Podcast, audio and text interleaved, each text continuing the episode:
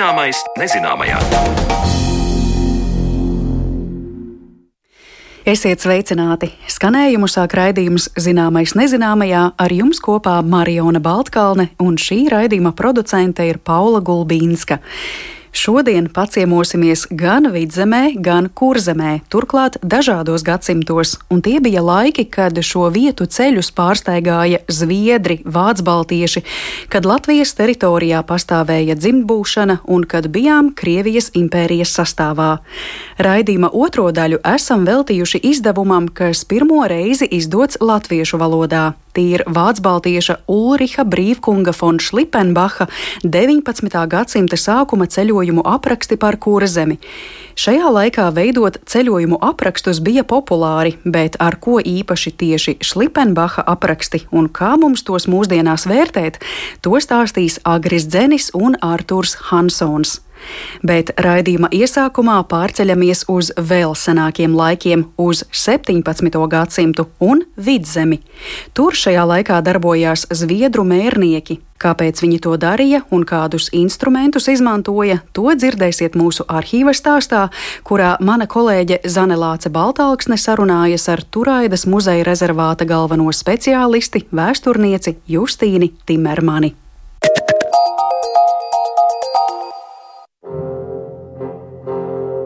17.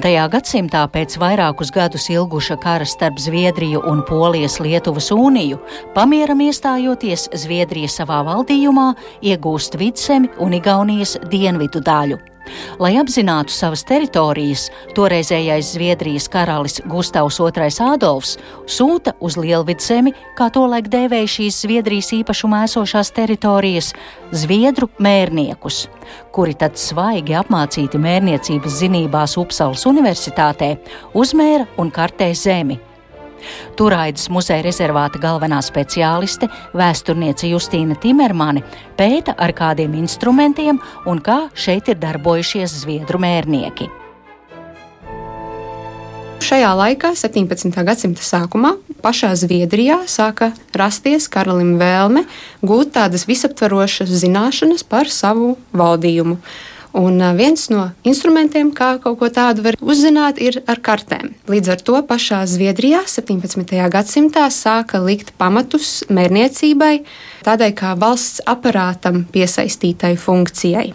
Ko tas nozīmē? Tas nozīmē, tā, ka līdz tam mērniecība ir pastāvējusi. Mērnieki ir bijuši galvenokārt kā matemātiķi, kā karšu veidotāji, pašā Zviedrijā darbojušies, visā Eiropā zināmi, bet viņi nekad nestrādāja zem nekādas institūcijas, un līdz 17. gadsimtam Zviedrijā nevarēja izmācīties par mērnieku kā amatu. Un mērniecību piesaistīja būtībā valsts aparātam un izveidoja pat speciālu mērniecības kantori. Un kopš tā laika Zviedrijā varēja izmācīties par mērnieku un strādāt šādu amatu. Līdz tam būtībā tāds amats precīzi nebija pastāvējis. Kā tad eh, nonāca šie zviedru mērnieki šeit, Jā. tagadējā Latvijas teritorijā? Uh, jau 17. gadsimta sākumā tātad Zviedrijas karalis, tas bija Gustavs II Adolfs, Tātad lika kartēt savas teritorijas. Protams, pirmā, kas tika kartēta, bija pati Zviedrija un tai tuvākie reģioni, bet jau gadsimta otrajā pusē sāka kartēt Zviedrijai piedarošās aizjūras provinces, tā skaitā vidzemi. Zviedru mērnieki gan vidzemē ir konstatējumi vismaz no 17. gadsimta 40. gadiem, bet par viņiem ir samērā maz zināms, cik plaši viņi šeit ir darbojušies, vai tie ir kādi privāti pasūtījumi vai valsts noteikti, bet krietni vairāk mēs zinām par veselu veselu kampaņu, kuras ietvaros 80. gados šeit ieradās vidzemē vesela mērnieku komanda. Šādas komandas dēvēja par komisijām, un šī komisija tad uzlika uz papīra visu vidzemi. Kā Justīna Timermane raksta Turaidas muzeja rezervāta publicētajā materiālā, tad mērniecības kandidātiem bija jābūt kompetentiem geogrāfijā un matemātikā, īpaši geometrijā, jāprot apieties ar mērnieku instrumentiem un zīmēt. Mērnieks, kurš nebija nokārtojis eksāmenu, saucās par pagaidu mērnieku. Nākamā pakāpe bija ārkārtas mērnieks, bet pēc noteikta laika dienestā varēja kļūt par kārtējo mērnieku. Mērniekiem bija konkrētas instrukcijas, kā viņiem ir jāstrādā, un instrukcijas, kas tika izdotas 17. gadsimtā, paredzēja, ka mērnieki tātad zīmē visu, ko viņi redz, tādu kāds tas ir. Protams, tas, cik kompetents mērnieks ir savā spējās zīmēt kārtas, ietekmē to, ko un kā viņš ir spējis uzzīmēt un, un tur inkorporēt. Jo es saprotu, Justīna, ka jūs šo savu pētījumu veicāt pēc tā laika karšu paraugiem, kas ir saglabājušies līdz mūsdienām. Tad vai mērnieki Vai tie bija tie paši cilvēki, kuriem pēc tam tās kartes zīmēja? Tieši tā, mērnieku darba rezultāts bija kartes radīšana. Viņi taisīja dažādu lielumu kartes. Tās pēc tam vēlāk arī tika pārzīmētas, taisītas lielākās kartēs, un būtībā mērnieki vidzemē uztaisīja veselu lērumu karšu, kas tika nogādāta Stokholmā. Tā bija obligāta prasība, ka visiem darbiem ir jānonāk Stokholmā mērniecības kantorī, un tur viņām tika taisītas vai kopijas, vai viņas lika kopā un kompilēja tādās lielās grāmatās, ko sauc par zemes grāmatām.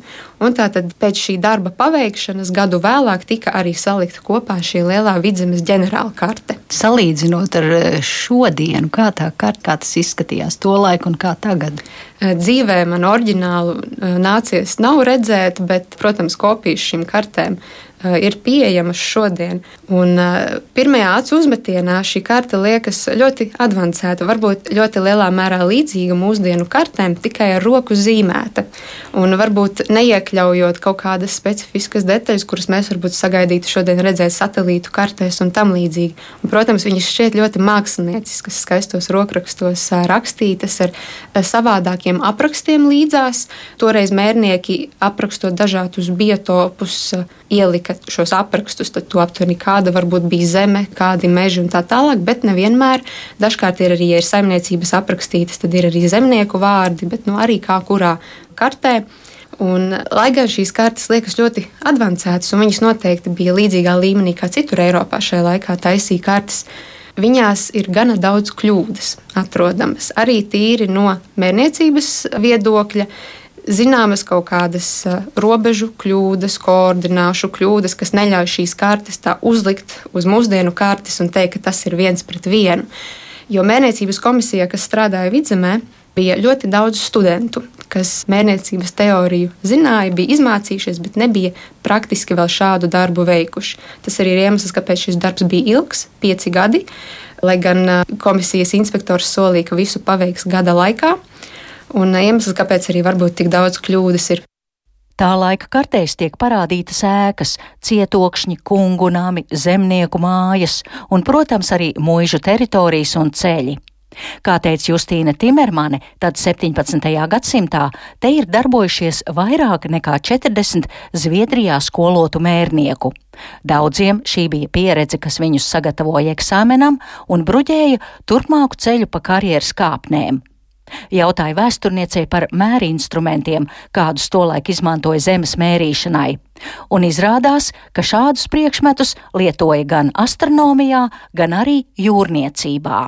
Pašā Zviedrijā viņu mērniecība ļoti lielā mērā balstījās uz tām metodēm un instrumentiem, kas tika izmantoti visā pārējā Eiropā.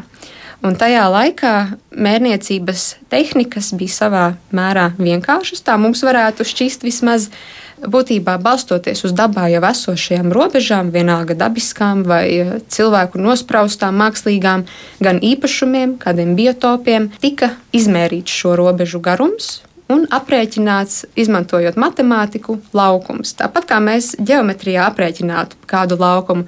Protams, kad ir runa par dabā esošu laukumu, tur ir ļoti daudz aspektu, ko ņemt vērā. Zeme tomēr nav plakana pati par sevi. Tāpēc šiem mērniekiem pašiem bija jābūt ļoti kompetentiem matemātikā, un viņus bieži vien izvēlējās no studentu vidus Upsalas Universitātes matemātikas un geometrijas programmās. Patiesībā šajā laikā visas esošās mēniecības metodes nebalstījās uz konkrētu instrumentu klāstu. Un būtībā tas, cik kompetents ir mēnieks, ar kādiem instrumentiem viņš prot strādāt, ar tādiem viņš savu darbu veids. Konkrēti, kādus instrumentus zviedri paši izmantoja šeit, mēs nevaram zināt, kas ir bijis katra individuāla mērnieka instrumentu tādā arsenālā, bet skatoties uz prasībām, kas ir nepieciešamas, lai mērnieki nokārtotu eksāmenu, un šis eksāmenis tika ieviests 17. gadsimtā, tad tur parādās, kādi instrumenti ir jāpazīst un ar kādiem ir jāprot apieties topošajiem mērniekiem. Pamatā šajā laikā, lai varētu zīmēt kartes un kaut ko izmērīt, bija jāprot noteikt laiks, noteikt distance un noteikt leņķis. Un tad šie instrumenti arī šīm vajadzībām tika izmantoti. Piemēram, mērnieki izmantoja tādu instrumentu kā nokturnāli. Tas ir ar jūrniecību patiesībā saistīts instruments, kurš mēra laiku attiecībā pret to, kāds ir zvaigžņu novietojums debesīs.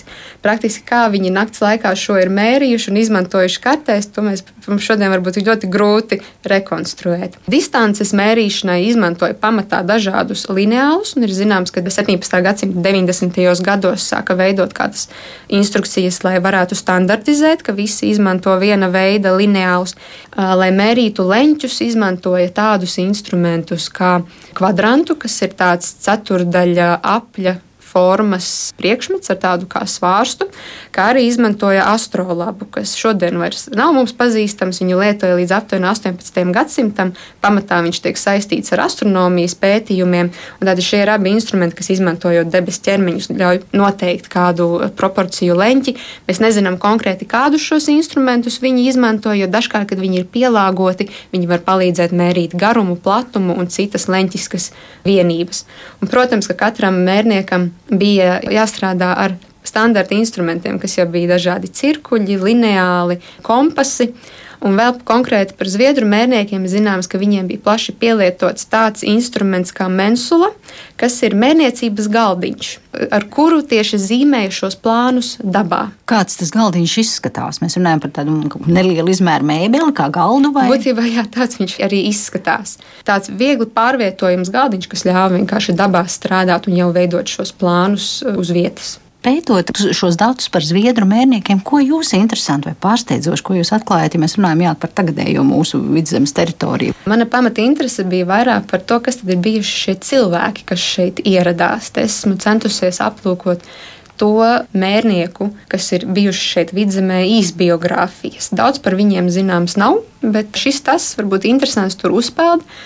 Kas man ir licies interesanti, ka, lai gan lielais vairums no viņiem patiešām ir bijuši zviedri, viņu vidū ir bijuši arī citu tautību mērnieki. Visdrīzākais tie ir bijuši speciālisti, kas ir piesaistīti no Eiropas. Jo tā kā zviedri aizguva ļoti daudzas šīs mērniecības un kartēšanas prakses no Eiropas, tas nebija netipiski šajā laikā arī pašā Eiropā, ka ir kaut kāda cilvēku aprite un speciālisti tika aicināti uz citām vietām strādāt. Es centos saskatīt, vai nav gadījumā arī kādi Baltijas iedzīvotāji, kas ir kļuvuši par mērniekiem. Un man izdevās atrast, ka trīs tādi ir bijuši kas ir kļuvuši par mācekļiem šeit vidzemē dienošajiem mērniekiem, un vēlāk ir Stokholmā nokārtojuši mērniecības eksāmenu. Gan kur un kā viņi ir tālāk darbojušies, tas nav zināms. Skatoties gan pēc viņu vārdiem, viņi visdrīzākais ir vācu izcelsmes. Vai būtu kādi latviešu izcelsmes potenciāli, diemžēl tādus atrast nevar. Es gan pieņemu domu tieši tāpēc, ka šajā laikā uh, vidzemē pastāv dzimbūšana, tas ļoti ietekmēja to, kādas ir varbūt arī zemnieku iespējas kļūt potenciāli par šādiem mērniekiem bet paši zviedru mērnieki, kas šeit uh, ieradās, viņi lielais vairums tieši bija zemnieku dēli, mācītāju dēli, uh, retos gadījumos kādu civilpersonu dēli, kas bija kļuvuši par studentiem Upsalas universitātē un tieši tur savaņģoti tā teikt mērniecības kantorī, kur tad ir turpinājuši savu karjeru. Un liela atšķirība šeit ir tāda, ka tieši Zviedrijā nepastāvēja dzimbūšana. Un tad tur kaut kas šāds krietni šķiet dabiskāks un iespējamāks nekā pie mums šeit.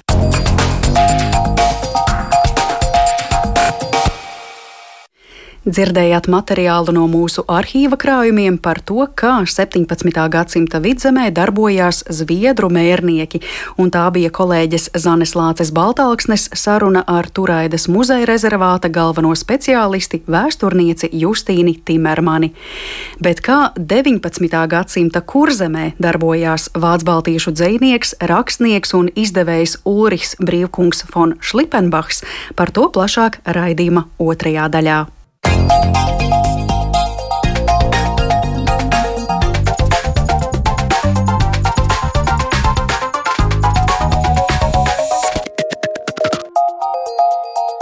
Zināmais nezināmajā. Mūžas, kuru vairs nav, dzimtas, kuras jau izzudušas, sadzīve, kas mainījusies līdz nepazīšanai, un tomēr vēl kādas pēdas no aizgājušiem laikiem ir atrodamas. Tā varētu teikt par nesen klajā nākušo tulkojumu, kurā aprakstīti ceļojumi pār 19. gadsimta kurzemi. Ļoti iespējams, šis ir plašākais kurzemē veltītais apraksts, kāds ir pieejams un saglabājies par šo laika posmu. Un par grāmatas saturu un tā autoru Ulrihu von Šlipenbachu šodien uz sarunu esam aicinājuši vēsturnieku un šīs grāmatas tulkotāju no vācu valodas Agridzeni. Labdien! Labdien! Un arī grāmatu redaktoru un korektoru un šīs konkrētās grāmatas dzējas tulkotāju un atzījotāju Artūru Hansonu. Labdien! Labdien! Jā, mēs tiekamies attālinātā studijā un eh, runāsim arī par visai attālinātu gadsimtu, 19. gadsimtu. Un, ja mēs runājam par šo laika posmu, kurzemē. Vai jūs varētu iezīmēt tādu ainu, nu, kāda izskatās 19. gadsimta kurzeme, kad top šī Šlipenbacha grāmata gleznaini ceļojumi pa kurzemi? Piemēram, kādas varas, kādas tautības valda apdzīvo kurzemi, kādas pilsētas ir jau izveidojušās, kādu vēl nav, kas mums ir zināms? Sāksim ar Agri. Tā tad 19. gadsimta sākums. Eiropas mērogā tas ir e, tāds visnotaļ trauksmains laiks, kas neizceļas ar drošību, kas neizceļas ar saimniecisko izaugumu. Tad eh, ir sākušies Eiropas monarhu kari ar Francijas imperatoru Napoleonu, kas eh, netieši atspoguļojas nu, tikai nedaudz Šlipenbacha darbā. Kad viņš apraksta vētru pie Dundagas piekrastes, tad šie avarējušie kuģi ved eh, Krievijas armijas karavīrus uz Pomerāniju. Aktīvajai karadarbībai sekoja saimnieciskais pagrimums Eiropas zemēs kas saistīts ar eh, Francijas blokādi, nozīmēja tirdzniecības sakaru izbeigšanos, preču dārdzību visā Eiropā, tad eh, saimniecisko stagnāciju. Un eh, Šlipenbachs kurzemē novērojis lielu saimniecisko potenciālu tieši latviešos. Izceļ latviešus kā potenciāli spējīgus amatniekus, kas ātri spēja apgūt un iemācīties amatu, kas sevi ir pierādījis parādījuši, ka amatnieki, nu, kā piemēram viņš minēja Kazdangas pili, ko arhitekta no Berlīnes vadībā ir uzcēluši latviešu amatnieki. Viņš saskata arī rūpniecības potenciālu kurzemē. Aprakstot tekstīliju fabriku Ilģu mūžā, ko ir iekārtojis mūžas īpašnieks. Un tad 1806. 1807. gads ir laiks, kad ir notikuši šie Šlipenbacha ceļojumi un tapuši apraksti, kas izdoti 1809. gadā. Šlipenbachs latviešos saredz potenciālu, bet cik lielā mērā latviešiem jau ir iespēja izpausties, jo droši vien lielie saimnieki tajā brīdī viņi vēl tomēr kurzemē nav. Nu, vispār mūsdienu Latvijas teritorijā. Kādas varas tur ir pie stūres kurzemē tajā brīdī? Kurzeme ir eh, Krievijas impērijas guberņa kopš 1795. gada. Laikā, ko apraksta Šlipenbachs, tur vēl viena pastāv dzimbūšana. Mēs zinām, ka viņš daudz darbojies arī dzimbūšanas atcelšanas jautājumu risināšanā. Un, uh, viņa darbā arī parādās vairākās vietās, ka dzimbūšana traucē šim uh, latviešu saimnieciskā potenciāla attīstībai. Nu, Šlipenbachs uh, lielā mērā ir pārvaldes orgānu darbinieks. Sākotnēji Piltenes apgabala, Landrātu kolēģijas jurists kad eh, Piltenes apgabals tiek iekļauts Kurzemes guberņā, tad eh, iesaistās arī Kurzemes guberņas pārvaldē. Paralēli tam eh, turpina savu literāta darbu, literatūra, sevišķi poēzija, ir tā joma, kurā viņa veikums ir vislielākais. Par Šlipenbachu mēs varam lasīt, ka viņam ir dažādi amati un tituli - vācu baltiešu dzinieks, rakstnieks, izdevējs, arī jurists, un tātad pilnā vārdā Ulrichs, Hermanis, Heinrichs, Gustavs, Brīvkungs von Šlipenbachs. Un tajā pašā laikā Latvijas lasītājiem gandrīz nemaz nav pazīstams. Kā tā? Artūr, varbūt jums par to kas sakāms? Par Šlipenbachu pašu, es domāju, ka viņa nepopularitāte lielā mērā ir saistām ar mūsu vēsturisko nepatiku pret uh, vācu baltiešiem, jo viņi ilgu laiku gan bija nu, tā apspiedošā šķira, teiksim tā, un uh, republikas pirmajos gados tā situācija tika mainīta, viss tika pārdēvēti nosaukumi, viss, kur bija nosaukumos mūžas, tur tas tika pārdēvēts par tādiem neitrālākiem vārdiem, ja kur tā kundzība kaut kā vairs neparādītos. Un Šlipenbachs bija nu, lielā mērā šīs vācu mežniecības pārstāvis. Tā to varētu traktēt šo nepopularitāti.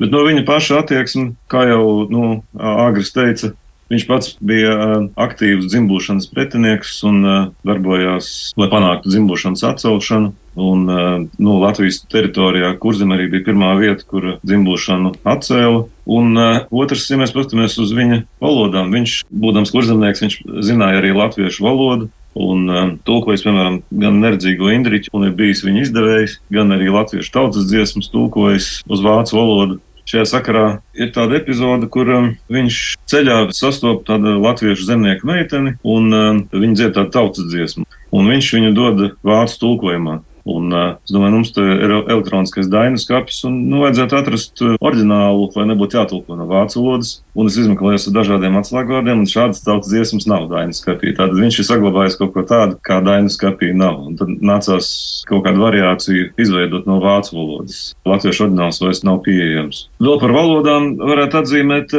Liepāja tajā laikā bija ļoti aktīva tirdzniecības pilsēta, Un uh, Šlipenbaks atzīmē, ka izējot cauri pilsētai var dzirdēt visdažādākās valodas. Tur skan uh, portugāļu valoda, ir tāda portugāļu tirgotāji, angļu un droši vien plaši visa tā Eiropa, Ziemeļa rietuma Eiropa un rietuma Eiropa ir pārstāvēta. Mm.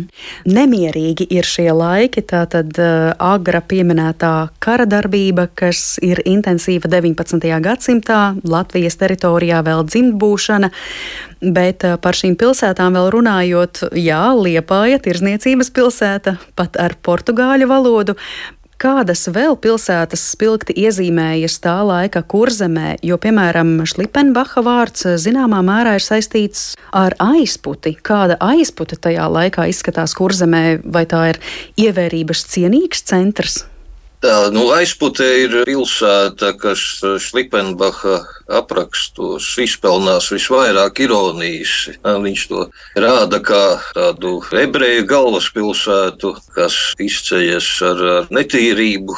Viņš piemin aizputes ielu dubļus, kas var līdzināties slavenajiem Parīzes ielu dubļiem. Nu, tādu kurzemē neraksturīgu austrumniecisku kolorītu, ko veido šie ebreju iedzīvotāji, kas aizputes pilsētā ir vairumā. Tad viņš pievērš uzmanību arī ebreju sinagogai, dievkalpojumiem sinagogā, kur viņš pats arī bijis klāt. Viņš tā ļoti poētiski un ironiski apraksta ebreju sieviešu rotas, kas ir veidotas no sagrieztām monētām, dažādām monētām.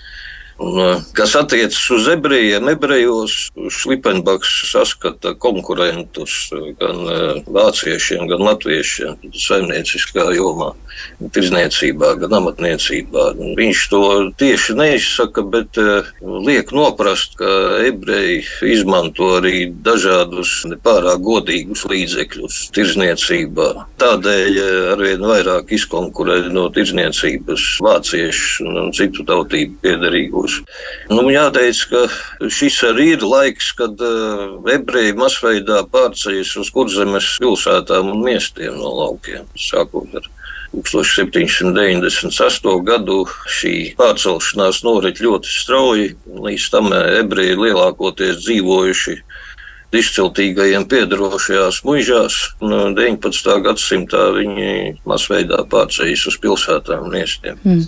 Bet nu, tas ir interesanti. Tad sanāk, ka aizpute Šlipenbacham ir tāda dzimtā puse, bet pats viņš par to ļoti daudz ironizē, un varbūt mums pat ir jājūtas glaimotiem, ka aizputes dubļus viņš salīdzina ar Parīzes dubļiem. es domāju, ka viņam tā lielā ironija lielā mērā nāk no tā, ka viņam ir zināms aizputes spožākais laiks. Aizpute ir bijusi ordeņa centrs, tur ir bijis bīskaps, un tur ir eh, ordeņa pils bijusi, un pilsēta bijusi plaukstoša nu, visādās jomās, un eh, pēc ordeņa likvidēšanas pilsēta strauji zaudēja savu nozīmi, un līdz ar to arī gan iedzīvotāju skaitu, gan tirzniecību tas viss gāja uz leju. Tas kontrasts lielā mērā viņu mudināja uz viņa laika ironiju. Vēl par ebreju tēmu skaidrs, ka viņš ir bieži vien kritisks un ironisks, bet uh, viņu nevar arī dēvēt par antisemītistu?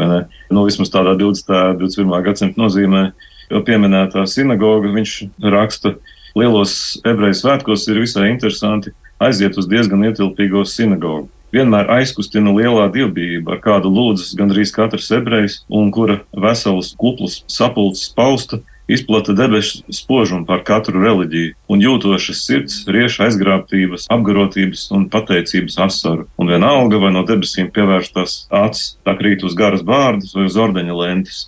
Nu, atsagot, viņš saredz ebrejos arī lielā mērā ticības brāļus, kas dedzīgi pievēršas tām pašām debesīm, kurām viņš ir. Mm. Latviešos viņš saredz potenciālu, ebrejos saredz līdzības šajās ticības izpausmēs. Ja mēs atgriežamies pie viņa literārās darbības, tad, uh, Artur, jūs jau iepriekš skaidrojāt, kāpēc Šlipenbachs uh, līdz šim nav bijis tik mīlēts. Protams, šī vācu baltu izcelsme, un uh, līdz šim, jā, patiešām ir atsevišķi tulkoti tikai daži viņa tekstu fragmenti, kas iekļauti pētījumos par vēsturiskiem dārziem vai mūžu ēkām. Bet, ja mēs runājam par šo 1809. gadā izdoto aprakstu krājumu, krājumu, tātad glaznaini ceļojumi pa kurzemi. Kāpēc tas ir tik nozīmīgs kultūra vēsturisks izdevums kurzemes kontekstā, Latvijas kontekstā? Vēl tur vajadzētu nelielu atkāpi par to literāro fonu. Tas nav tikai tāds fons, tas arī parādās viņa tekstā. Tad Šlipenbacha laika biedri ir Gēta, Šillers. Nu, Šilleru viņš acīm redzami augstāk vērtē nekā Gēti. Tad viņš ir arī gājis augstskolā viena no augstskolām bijusi Kenigsburgas augstskola, un viņš klausījās lekcijas pie Imants Kanta. Viņam ir pamatīga klasiskā izglītība. Viņš daudz citē Vergiliju, Ovidiju, Horāciju, Homēru un cenšas to Latvijas situāciju. Tas ir viņa dzimtā puse, viņš ir kurzemnieks. To viņš cenšas iecelt tādā pasaules kontekstā. Piemēram, nu, tāda epizode. Tālumā starp augstajiem krastiem vēnta kā sudraba lente tecēja pa skaisto zaļo dabas audeklu. Tūmā kapsēta, kuras galā garām maršējošais artērijas pulks bija novietojis lielgabalus un munīcijas ratus, lai tie neatrastos pārāk tuvu apdzīvotajām mājām. Šie metāla koribanti pie mierīgajām zemkopju atdusmas vietām stāvēja kā grieķu ķibeles priesteri pie Jupitera šūpuļa Īdas kalnā. Nu, tā viņš salīdzina kaut kādas lietas ar uh, klasiku, kas, acīm redzot, viņa lasītājiem Vācijā bija pazīstamas. Un uh, vēl viena tāda epizode, ko es gribu pieminēt, Viņš tādā sapņainā epizodē skatās uz dabu un priecājas, un tad viņi iztraucē divas vecas zemnieku sievas, tādas latvietas, kuras strīdas. Kā viņš raksta, viņš eh, saraujas, bet laikus atceras, ka tas taču ir patiešām no Homēra. Un uh, tur ir tāds strīds starp uh, Junonu un Diānu, jeb grieķu valodā starp Hēru un Artemidu, kur viena no viņām otrai saka, kā gan aikuce bez kauna tu sacelties drīkst pret mani. Un uh, tādu diezgan prasto droši vien zemnieču strīdu viņš savu kopā ar Homēru. Vēl viņa laika biedrs, kas man ļoti, nu, kā pašsaprotam, bet ļoti pārsteidza lasot, viņa laika biedrs ir neredzīgais Indriķis. Un tad ir tāda epizode, kad viņš iegriežas apriķos, viņš iegriežas pie tāda jauna latviešu puika, kas ir 9 gadus jaunāks par viņu, akls kopš 5 gadu vecuma, un tas ir neredzīgais Indriķis. Un tad uh, viņš acīm redzami augstu vērtē neredzīgā Indriķa dzēju, jo viņš ielicis pa vairākām lapām viņa dzējas tulkojumu savā grāmatā, šajā grāmatā ceļojumā. Nu jā, un tie ir, tie ir laika biedri. Jā. Bet tad eh, nav tā, ka šeit veidojas arī zināma pretruna. Mēs noteikti varētu nosaukt arī citu vācu baltiešu vārdus, kurus mēs pazīstam, un kuru darbi mums jau tā plaši ir bijuši apritē ilgu laiku, un tomēr Šlipenbachs tikai tagad. Nu, daudzi jau bija bācis baltieši, un pret daudziem varētu būt tā nepatika, bet kāpēc tas viens Šlipenbachs tomēr ir bijis atstāts tā novārtā ar visai šādu iespaidīgu kultūru vēsturisku izdevumu par kurzemi? Savā laikā viņš tomēr bija populārs. Viņš bija viens no populārākajiem tā laika Latvijas dziniekiem un izdevējs un arī improvizators. Viņš varēja nu, gandrīz jebkurā situācijā atrast īstos vārdus un tos ieteikt pantmērā. Un, nu, tur ir vēsturisks pārāvums ir bijis. Vienkārši tas viņa teksts ir nu, kaut kā nonācis aizmirstībā, un tad uh, mūsdienu vācu baltieši to ir vairāk cēluši gaismā. Labi, tad, ja mēs ceļam godā Šlipenbacha izdevumu, gleznainos ceļojumus pa kurzemi, tad ar ko tas ir nozīmīgs un kā jūs raksturotu, ko mēs tur varam ieraudzīt, ar ko klausītāji varētu sastapties, klausītāji, lasītāji, ja vērtu šo grāmatu vaļā? Kas un cik daudz tur ir atrodams? Agri. Droši vien jums tas sakāms. Šie Šlipenbacha apraksti ir pirmais kurzemes apraksts, kur autors ir pats kurzemnieks. Šlipenbachs sevi arī identificē kā kurzemnieku. Viņš jau turpina 18. gadsimta otrajā pusē iesākušos tradīciju, ka dažādu kārtu kurzemes iedzīvotāji sevi uzskata par kurzemniekiem. Jēnas un Keinigsbergas eh, universitāšu studenti, kas eh, nāk no kurzemes, saziņai savā starpā lietoja ne tikai vācu, bet arī latviešu valodu. Viņi rakstīja atmiņu kladēs, novēlējumus un dzējoļus latviski sauca latviski viens otru par mīļo draugu un brālīti. Tad šo kurzemnieku identitāti Šlipenbachs eh, turpina savos darbos.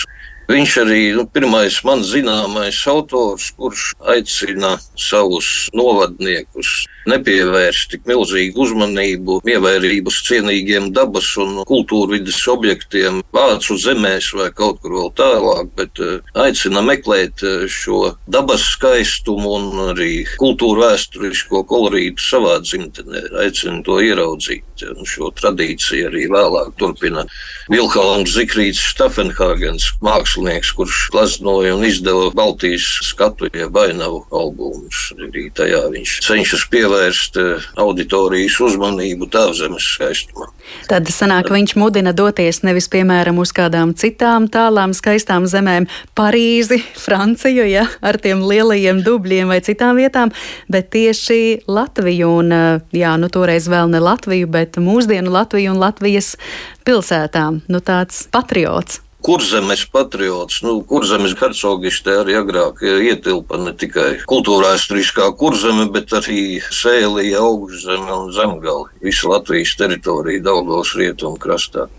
Bet kādā veidā tad viņš eh, panāk eh, to interesi, kādā veidā viņš mudina doties uz eh, šīm kurzemes pilsētām, proti, kādā formā un ko viņš apraksta, cik daudz un kādas pilsētas vienīgās pilsētas ar pilsētas statusu. Tanī laikā kurzemē bija Liepāja, Kuldīga, Aizpute, Jelgava. Nu, Jaunjelgava, Jaunjelgavā viņš nav bijis.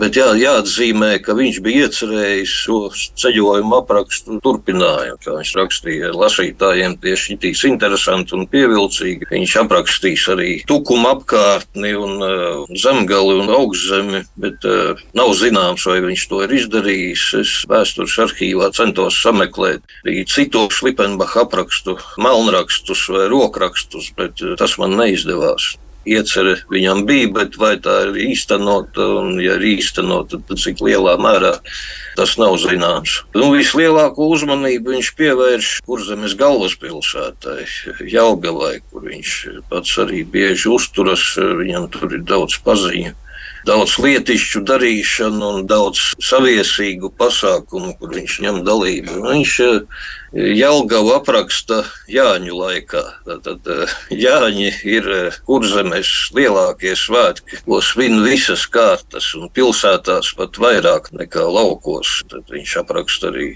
Jāņu svinības Liepājā, bet Jelgavā Jāņi nu, pirmkārt ir darījumu laiks kad eh, dažādu kārtu ļaudis sarodas Jelgavā, priecājas, ja, iet uz teātri, klausās koncertus, eh, skatās komēdiņu rādītājus un, vārds sakot, bauda mākslu un izklaidi. Šī laikā Jelgavā sarodas arī mūziķi un aktieri no Rīgas un eh, Vācijas zemēm. Bet centrā šī Jāņu laika Jelgavā centrā ir eh, lietišķie darījumi. Mm, kā? viens otram aizdot un atdot naudu, slēdz pirkšanas, pārdošanas līgumus. Vīriešiem šis Jāņu laiks ir pirmkārt darījumu laiks. Tad sanāk, ka viens aspekts, par kuru viņš stāsta, ir eh, tādi sadzīviskie apstākļi, svētku svinēšana, darījumi, vai viņš raksta arī par ēkām, par interjeru, varbūt par priekšmetiem, kas šajās muižās būtu atrodami. Vislielāko vērību viņš ir piegriežis muižu parkiem, ļoti detalizēti aprakstījis atsevišķus parkus. Šo parku iekārtojumu, eremīta mājiņām un tempļiem un eh, lapenēm celiņiem, šie romantisma laika parki, kur ir eh, raksturīgi vides elementi ar antīkās kultūras ietekmes pieskaņu vai mm. literatūras pieskaņu, eremīts, vientuļnieks, daudz literāru darbu varonas. Par eremītisku, bet, piedošana, piebilst, mm -hmm. es nesen lasīju tādu angļu tekstu, kur bija rakstīts par Anglijas pilīm, un tieši tajā laikā kā šis autors rakstā, Anglijā bija ļoti izplatīts, tātad, nu, ka pie pils ir uh, eremīti, ja vientuļnieka namiņš, un tad uh, mužnieks parasti samaksāja nolīgu kādu cilvēku, kurš tur, piemēram, septiņus gadus dzīvoja, un naudu saņēma beigās, ja viņš to septiņus gadus neskuvās, nemazgājās, negriez bārdu un nesarunājās. Un uh, tad viņš piebilst, redz, no ārpus Anglijas šī parādība nebija visai izplatīta. Tad, nu, lūk, uh, kā mēs redzam no Šlipenbacha grāmatas, kurzemē, viņš piemin vismaz trīs eremītu namiņus, un vienā lielbērzes vientuļnieku namiņā arī dzīvot šis vientuļnieks eremīts. Viņš uzreiz improvizēja, uzraksta viņam tādu dzējolīti. Tā jau grāmatā ir arī milzīgi daudz dažādu veidu informācijas, kas var noderēt nu, cilvēkiem, kam ir visdažādākās intereses. Nu, gan tie ir kultūra vēsturiskas, gan statistiskas, nu, piemēram, viņš katrā pilsētiņā vai miestā vai mūžā, kur iegriežas, viņš gandrīz katrā uzraksta talsos, piemēram, 27 sēkas, ieskaitot krogus un 199 iedzīvotāji. Tāpat uh, viņš apraksta zemnieku ģērbšanās veidu un vismaz viņa novadnieku latviešu apģērbu un arī veidu. Viņš apraksta, kā dzied tautas dziesmas. Tas tādā ziņā varētu būt pat senākais apraksts, ko kāds ir veidojis par to, kā izpilda tautas dziesmas. Sanāk, ka mēs eh, Šlipenbacham varam piešķirt vēl dažādus titulus. Ja sākumā viņu nodēvējām par vācu baltiešu dzinieku, rakstnieku, izdevēju, juristu, tad eh, viņu varētu dēvēt arī par novadpētnieku. Viņš tiek saukts arī par dokumentālo žurnālistu bet eh, pats Lipenbachs savu izdevumu esot saucis par tēvzemes tēlojumiem. Bet eh, tas, ko es gribēju jautāt, vai vispār sanāk šajā laikā, 19. gadsimtā, tas ir populāri veidot šādus ceļojumu aprakstus. Es pieļauju, ka Lipenbachs jau nebija vienīgais, kurš iedeva tādu izklāstu, ka tu vari sēdēt mājās un gūt eh, priekšstatu par citām vietām. Eiropā šie ceļojuma apraksti ļoti izplatīti, bet pārsvarā autors raksta par citām zemēm, nevis par savu zemi. Šī kontekstā var pieminēt uh, vienu agrāku ceļojumu aprakstu, ko par kurzemi rakstījis vācu dabas zinātnieks Johans Bednulli, kurš braucot uz Pēterburgu, kurzemē cauri brauca 1778. gadā. Jau Bernūli parāda kurzemi kā tādu modernu, eiropeisku zemi ar glītām, tīrām ēkām, ar eh, bibliotēku Jelgavā, ar akadēmiju Jelgavā, ar cilvēkiem, kas prot franču valodu, lasa franču filozofus. Teiksim. Starp tiem ir arī Skrundas pastmeistars, ko Bernūli ir pieminējis. Šlipenbachs sniedz savu vietējā iedzīvotāja kurzemnieku. Ja, kurzemē viņa dzimta dzīvo kopš 16. gadsimta jau sniedz savu kurzemnieku rezējumu uz kurzemi, uz savu tēvzemi. Nu, viņam, protams, šī vide, cilvēki un daba ir eh, daudz pazīstamāka un saprotamāka un daudz labāk uztverama nekā ārzemniekiem viņš pievērš uzmanību arī tādām detaļām, kas ārzemnieku acīm varbūt uh, paslīd garām. Piemēram, tie aizputes dubļi. Ja? Artur, jūs arī minējāt, ka faktiski jau varbūt lasot šo grāmatu, katrs var atrast, ieraudzīt kaut ko sev, bet tas, kas nepaslīdēs garām šķirstot šo grāmatu, ir dzēja. Jūs arī esat šīs grāmatas dzējas tulkotājs un atzējotājs. Un vai ir manāms, kāds ir bijis mērķis dzējas izmantojumam? Nu, piemēram, tas, ko es pamanīju, šķirstot grāmatu, bija tāds pantiņš. Jelgava vai nīsti mani, kāpēc gan tu zobus griez, vai man mīkstumos tu grābsi, ko tev ļaunu darīs, kas par lietu saki man un kāpēc tā dusmojies? Tas ir veids, kā paust vēl īpašāk savu patiku vai nepatiku pret kādu mūžu, ciemu, pilsētu. Jā, dzēja ir eh, liela daļa no Šlipenbacha valodas, no viņa izteiksmes līdzekļiem. Un arī dzējā viņš ir visai dažāds. Gan pantmēra ziņā viņš izmanto jāmbu, trohai, daktilu un brīžiem raksta rotaļīgi, brīžiem dramatiski. Visdramatiskākais varētu būt dzējolis, ko viņš raksta daktīlu heksametrā par dobeles pilsdrupām. Jau tajā laikā tās bija pilsdrupas, tikai nu, mazliet vairāk saglabājušās nekā mūsdienās. Viņš iztēlojas, kā viņa senči, bruņinieki dzīvojuši un rosījušies, un tur bijuši daļļavas. Un un kur tas viss tagad ir palicis. Un tad viņš uzraksta ārkārtīgi skaudru traģēdijas stila dzējoli. Tas lielā mērā pauž tā daļa no viņa vēstījuma. Nu, tas minētais par to Jālgavu, tas bija uh, viņa citāts no Bornmaņa. Tas bija mazliet pirms viņa dzīvojas. 17. gadsimta beigu Jālgavnieks, Jā, kurš bija uzrakstījis tā oda vai poēma, kā tas saucās Jālgavai veltīts. Bet kas tur bija ar to dobeli, Artur, kur īpašu pantmēru minējāt? Tur par dobeli arī kaut kas īpašs skaudrs atklājas. Par pašu dobeli nē, tur vairāk ir tāds tā eksistenciāls. Nu, tas ir tāds eh, tipisks eh, Homēra pantmērs. Un tur vairāk ir par nāvi un iznīcību, kā milzīgais krāšņums un dzīvīgums, kas tur ir bijis, kur tas viss ir pazudis. Viņš par to traģiskā noskaņā noliekāš par to, ka tas viss ir gājis zudībā un neatgriezīsies. Kā nāve un iznīcības viņa triumfu. Bet nu, viņš ir ļoti dažāds izteiksmes līdzekļos. Viņš var būt gan aizkustināts, romantisks, lirisks, gan arī zobgalīgs. Nu, es gribēju vēl vienu tādu mazu gabaliņu. Man ļoti patīk, kā viņš apraksta liepājas teātri. Tā āriena nevar pelt kā bezgaumīgu, ko gan nevar teikt par iekšējo iekārtojumu. Tā, piemēram, ložas nav balstītas nedz uz kolonām, nedz nodalītas ar sānu sienām bet ir kā bezformīgas dziļas kastes, kas līdzinās ostā izbūvētajām, un no tām izrāžu vakaros pa pusē paceļas cilvēku dzimumu otra pusi. Daļa no tām arī ir tik šauras, ka dāma ar nedaudz vairāk svētītu apjomu piepilda visu ložu un kā spēcīgs grauds izspiežas no dēļu apvalka visai skarbi.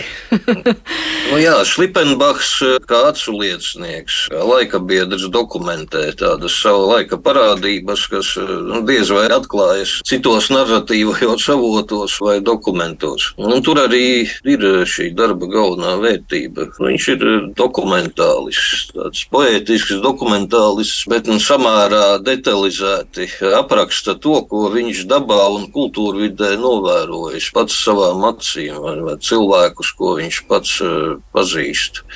Teiksim, sabiedriskos pasākumus, kur viņš pats piedalās. Tā kā šis dokumentālista spēks ir tik ļoti jūtams, es jums eh, sarunas noslēgumā gribētu jautāt, vai mūsdienās lasot eh, šos tekstus, mēs kaut kādā mērā varam arī sadzīt pēdas šim mantojumam, kas ir aprakstīts. Protams, ka daudz kas no tā nav saglabājies, kādas apdzīvotas vietas, mūžas, Bet vai tomēr mums eh, Šlipenbacha darbs var noderēt, lai uzbūrtu ainu par to, nu, kāda šī kurzeme 19. gadsimtā bija un varbūt pat kādas liecības par to atrastu? Es domāju, ka šis darbs var rosināt eh, cilvēkus atkārtot Šlipenbacha maršrutu, tad identificēt dabā šīs vietas un tad eh, aizbraukt vai aiziet, paskatīties, kas šīs vietās ir saglabājies no Šlipenbacha laikiem un kas nav. Un, principā šis Slipenbacha aicinājums saviem laikabiedriem meklēt skaisto un interesanto kurzemē, to varētu attiecināt arī uz mūsu laikabiedriem rosināt veikt ceļojumu kopā ar Slipenbaku. Ja? Šīs vietas, ko viņš apraksta, nav pilnībā izzudušas. Ja tās ir dabā atrodamas un samērā viegli sasniedzamas. Bet droši vien arī Slipenbachs lika klāt kādu izdomu radošumu. Tas nav pilnīgs tāds dokumentāls stāsts. Tur uh, droši vien ienāk arī kāds romantizējums, kas uh, klausītājiem, lasītājiem nu, ir vienkārši jāiztēlojas un jāliek lietā savs radošums, lai saprastu, kāda tā kurzeme bija 19. gadsimtā, vai ne? Nē, šos objektus viņš apraksta visnotaļ precīzi poetiskie salīdzinājumi, metafāras, kas ņemtas no vācu vai angļu literatūras vai no antikās literatūras. Nu, tas tikai papildina šo aprakstu. Ja? Tas ir izteiksmes veids, kas raksturīgs šim romantisma laikam un uh, padara šo darbu pievilcīgāku teiksim, izglītotajai publikai vai lasošajai publikai vispār. Tas ir Eiropas zemēs pieņemtais stils romantisma. Tur ir kā likums jāsaista ar antīko literatūru vai viduslaika aprakstiem vai arī tā laika literāriem darbiem, kas ir sabiedrībā populāri.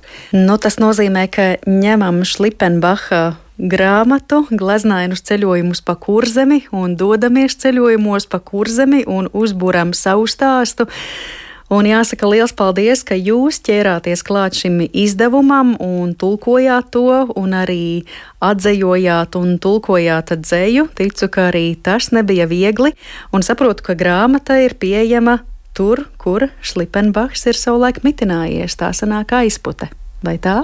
Jā, grāmata ir iegādājama pie izdevēja biedrība Serde, nodarbojas gan ar mākslas pasākumu organizēšanu, gan grāmatu izdošanu. Pieminēšu, ka šis nav vienīgais Serdes izdevums. Ir arī vairākas tradīciju burtnīcas. Un Artūrs rāda vēl kādu izdevumu, jā? Ja? Jā, ir sērijas izdevums stāsti par ebrejiem aizputē. Tā ir tāda interesanta grāmatiņa. Un par Slipenbaku jā, es arī pievienojos. Nu, jābrīdina lasītāji, ka Kurš Lipenbaks ļoti rosina iztaigāt viņa maršrutu, un tā varētu būt laba turisma iespēja kādam izveidot turismu maršrutus pa viņa takām. Un daudz kas no tā tiešām ir redzams mūsdienās saglabājies. Nu, redz, mūsu sarunas laikā iezīmējās jau jauna ideja. Ne tikai pašiem izceļot kurzemi ar grāmatu kabatā, bet varbūt pat radīt tādu ceļojuma maršrutu. Nu, ko saku jums abiem lielu paldies par eh, šīs dienas stāstu un ka rosinājāt arī vērt vaļā gleznainus ceļojumus pa kurzemi. Un eh, vēlreiz sakot paldies arī jums par paveikto darbu. Atgādinu klausītājiem, ka šodien attālinātā studijā par Ulriha von Šlipenbacha darbu mēs sarunājāmies ar vēsturnieku un arī Šlipenbacha grāmatas tulkotāju no vācu valodas Agri Dzeni un grāmatu redaktoru un korektoru, un šīs Šlipenbacha grāmatas dzējas tulkotāju un atzējotāju Artūru Hansonu. Ar to arī mūsu šīs dienas raidījums izskan. Par to parūpējās Paula Gulbīnska, Girts Bišs, Nora Mitspapa un ar jums sarunājās Mariona Baltkalne. Lai tad daudz skaistu gleznainu ceļojumu pa kurzemi, un ne tikai kurzemi, un uz sadzirdēšanos atkal citu reizi. Jā, visu labu! Visu labu!